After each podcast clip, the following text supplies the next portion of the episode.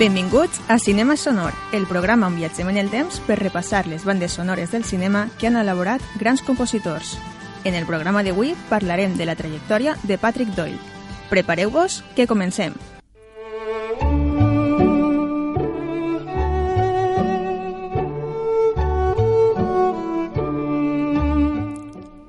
Comencem el programa d'avui en l'any 2001, on s'estrena la pel·lícula britànica El diario de Bridget Jones, un film de comèdia i drama amorós dirigida per Sharon McGear i basada en la novel·la de la seva íntima amiga Helen Fielding. Compta la vida d'una dona de 32 anys que es troba sola i amb molts complexos fins que un dia es decideix a posar remei a tots els seus problemes. La música està molt present al llarg de tota la pel·lícula i va resultar guanyadora del Premi World Soundtrack a la candidatura de millor música no editada en àlbum. La banda sonora recopila molts temes coneguts de diferents artistes com Gabriel amb Out of Reach.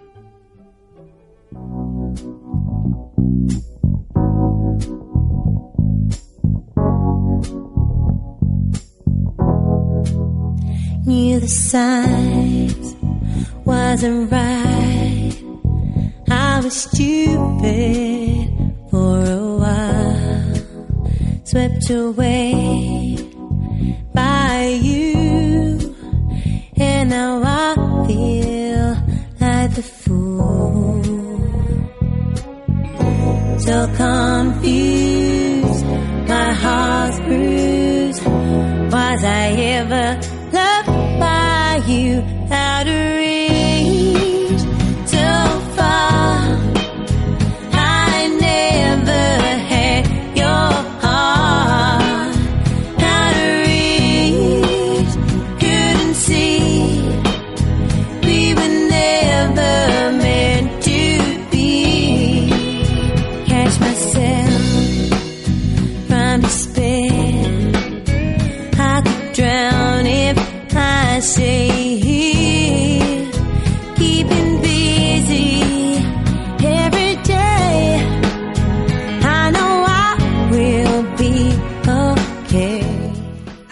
cançó que estem escoltant és una de les que trobem en la pel·lícula junt amb altres com el tema It's Raining Men de Gary Halliway.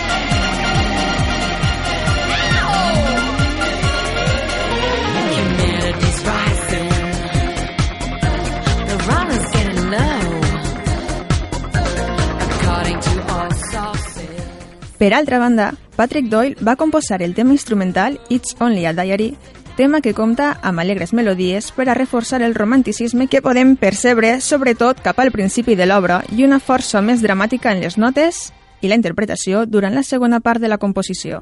Anem a escoltar un fragment d'aquest tema.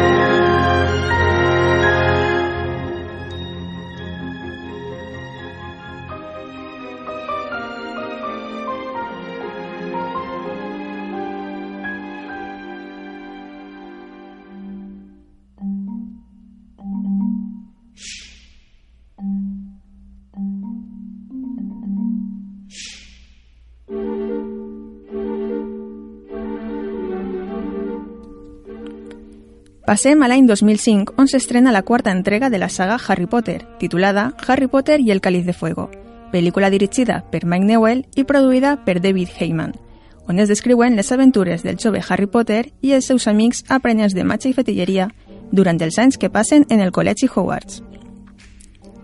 La banda sonora, fins al moment, era a càrrec del compositor John Williams, qui va composar la música de les tres primeres entregues, però va haver de renunciar a aquest projecte per la seva apretada agenda laboral. Per aquest motiu, el director del film va haver de buscar un altre compositor i va escollir a Patrick Doyle, per la seva capacitat per a reflectir la màgia en la seva música, element imprescindible per a la pel·lícula en la visió del cineasta.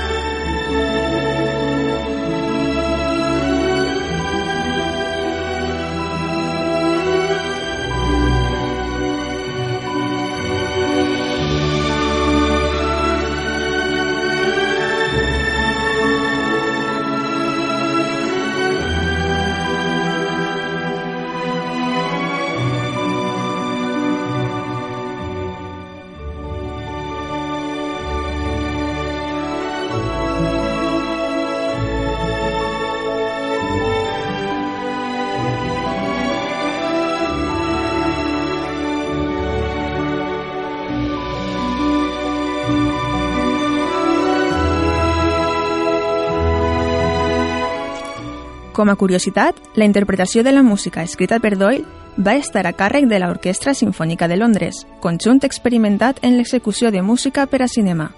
El treball del compositor va ser ben rebut per la crítica, que va destacar entre les millors obres del 2005. Escoltem un fragment de la seva obra anomenada El Vals de Potter, música que acompanya a l'escena del ball de Nadal.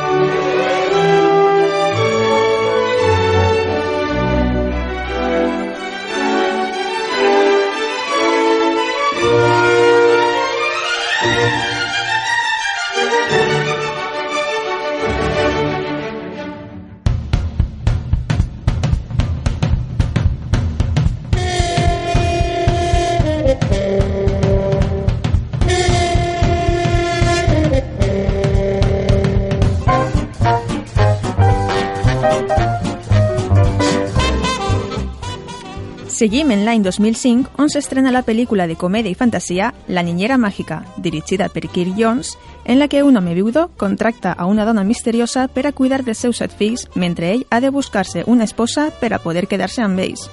Però els xiquets tractaran d'allunyar a totes les dones pretendents a casar-se amb el seu pare mitjançant una sèrie de bromes pesades. Per aquest treball, el director li demana a Doyle que compose una música alegre, viva i divertida per a marcar un punt d'humor a les aventures de set xiquets junt a la seva cangur.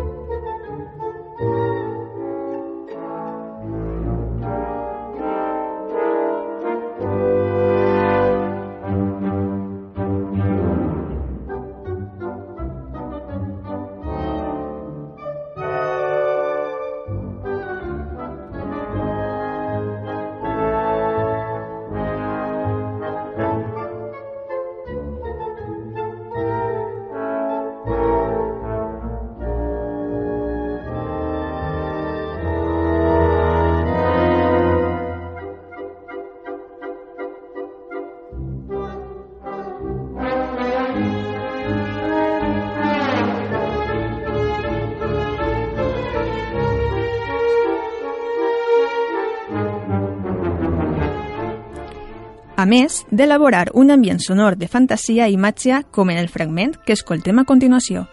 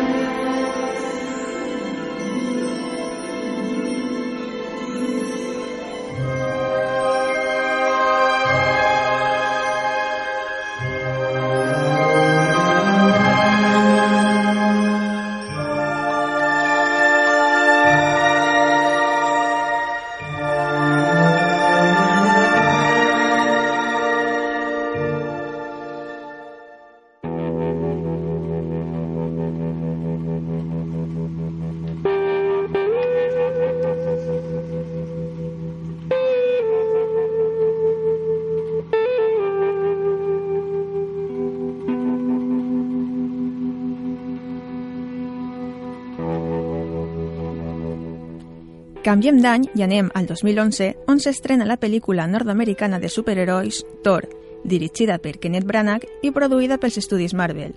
En aquesta ocasió, la banda sonora és un reflex de la lluita entre dos germans per convertir-se en rei de Asgard. Les crítiques rebudes afirmen la noblesa i riquesa dramàtica de l'obra, que va estar nominada a la candidatura de millor compositor. Escoltem un fragment del tema compost per Doyle, anomenat Earth to Asgard.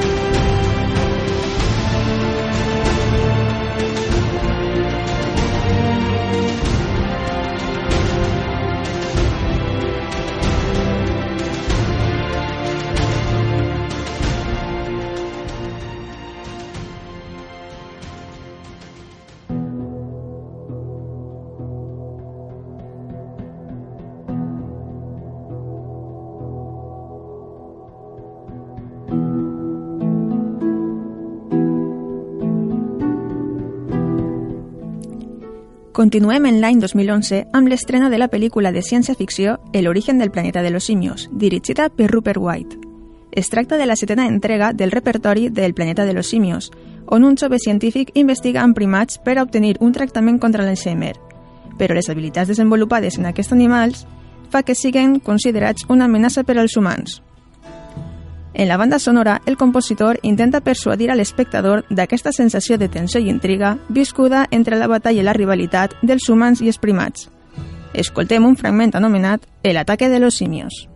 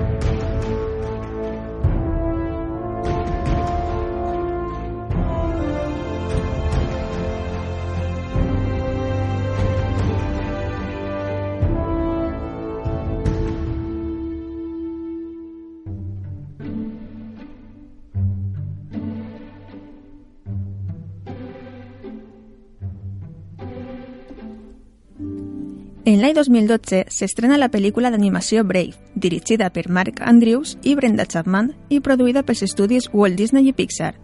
La pel·lícula conta la història de Mérida, una princesa arquera impetuosa i valenta que origina un caos al seu regne i haurà de solucionar-ho.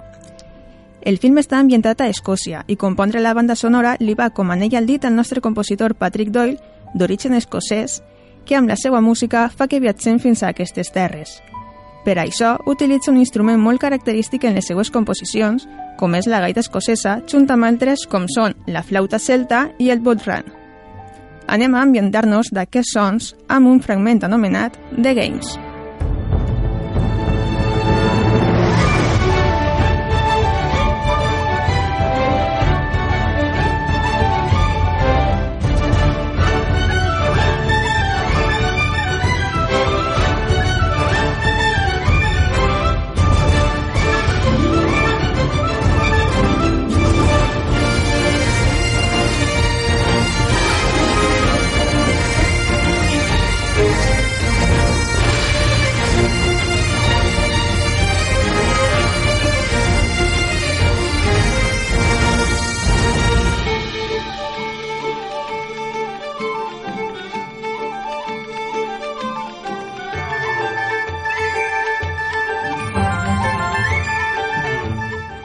Brave compta amb una instrumentació potent. No sols la part melòdica té nivell, sinó que el compositor també es llueix en la percussió, com per exemple en l'escena de la persecució de l'os.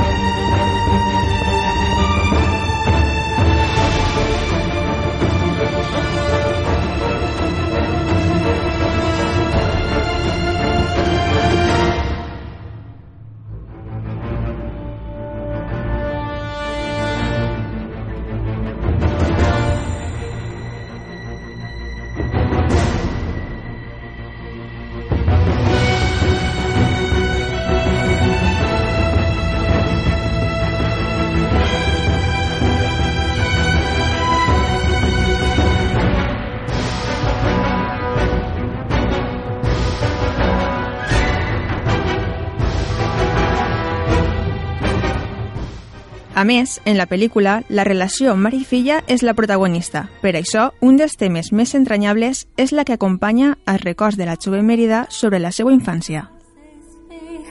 Då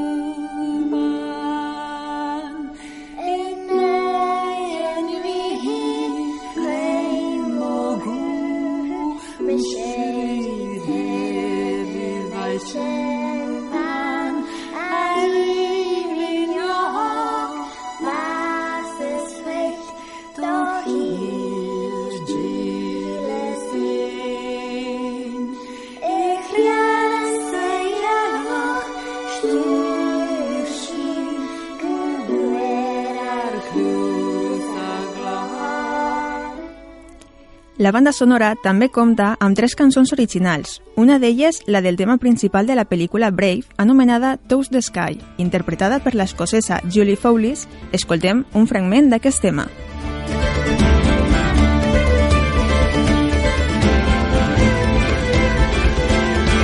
When the cold wind is calling and the sky is clear and bright, misty mountains sing and beckon, lead me out into the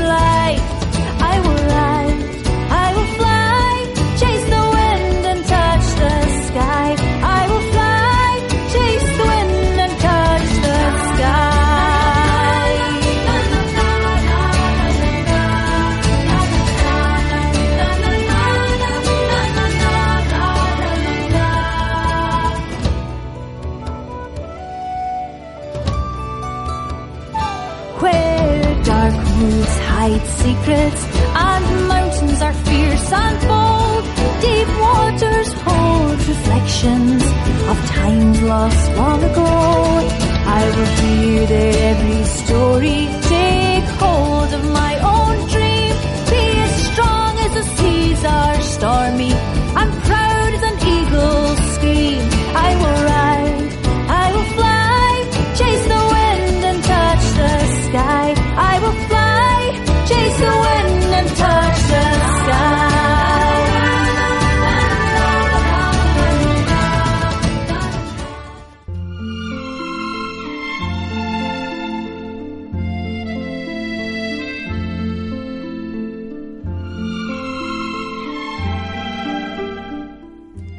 Passem a l'any 2015, amb l'estrena del film d'amor i fantasia La Cenicienta, dirigida per Kenneth Branagh i produïda pels estudis Walt Disney, que conta la coneguda història de la pel·lícula animada, però amb algun gir en la trama.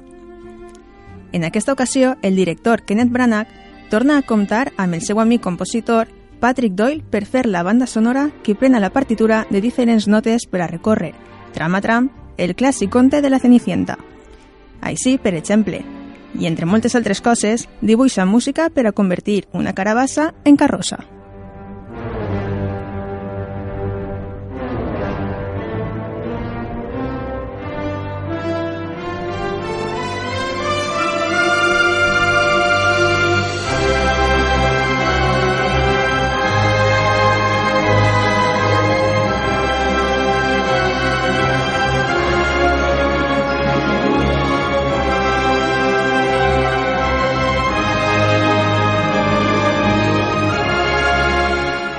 Elabora acords per a una entrada triomfal en el Ball de Palau.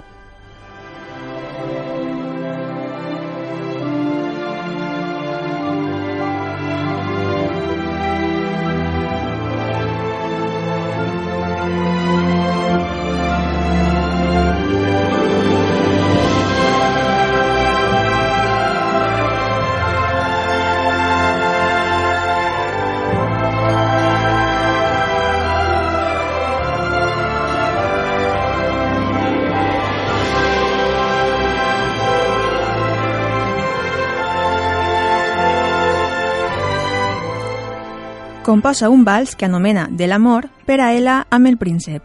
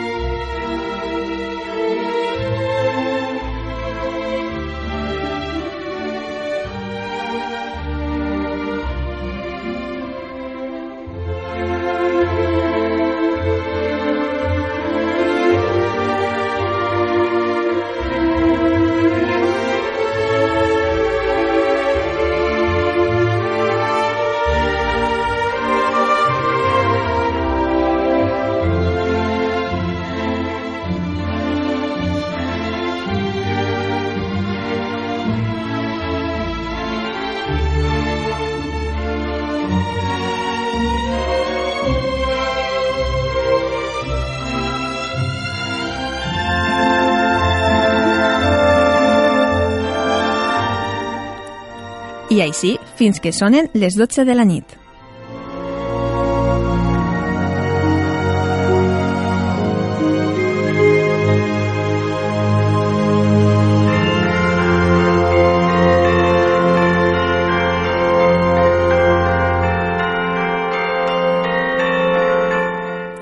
Els actors també fan la seva aportació amb les adaptacions de les cançons del clàssic de Disney, com el de les fades que ajuden en tot moment a la protagonista. Well done, Ella. My turn.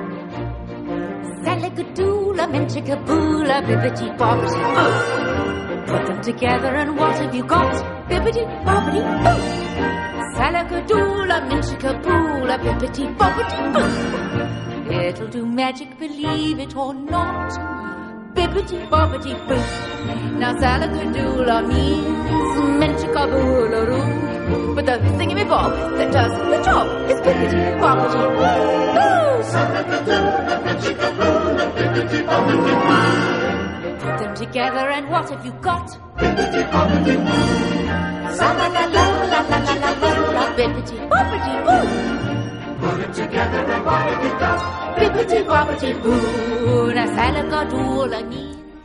acabar de completar la banda sonora que Patrick Doyle composa per a la Cenicienta, ens quedem ara amb un fragment de la producció anomenada Vals Royal.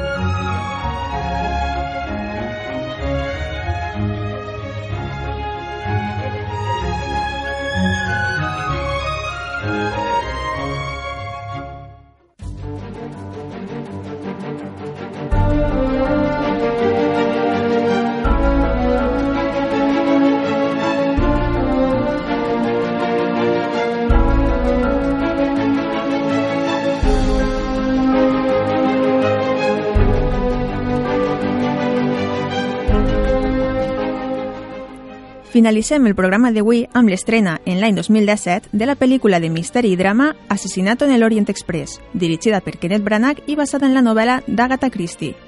El film conta que durant un trajecte de luxós tren Orient Express es produeix un assassinat que el prestigiós detectiu Hercules Poirot haurà d'investigar per a saber qui és l'assassí. El tema que escoltem és el tema principal de la pel·lícula, sobre el que gira tota la trama, la suite de l'Orient Express.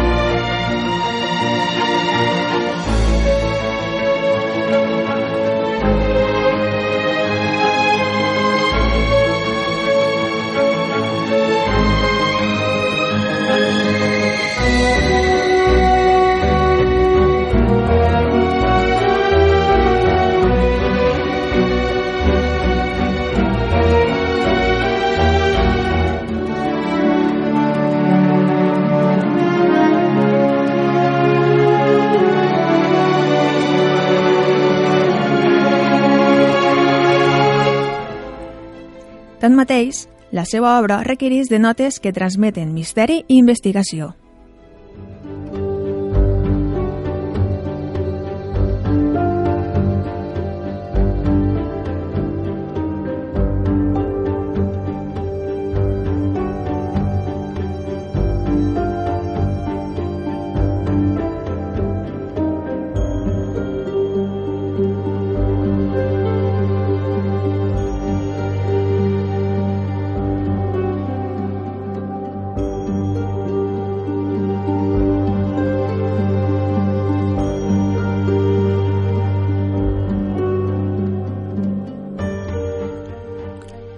Sols alguns temes s'aproximen a sons més amables i tendres, com és el cas de The Armstrong Case.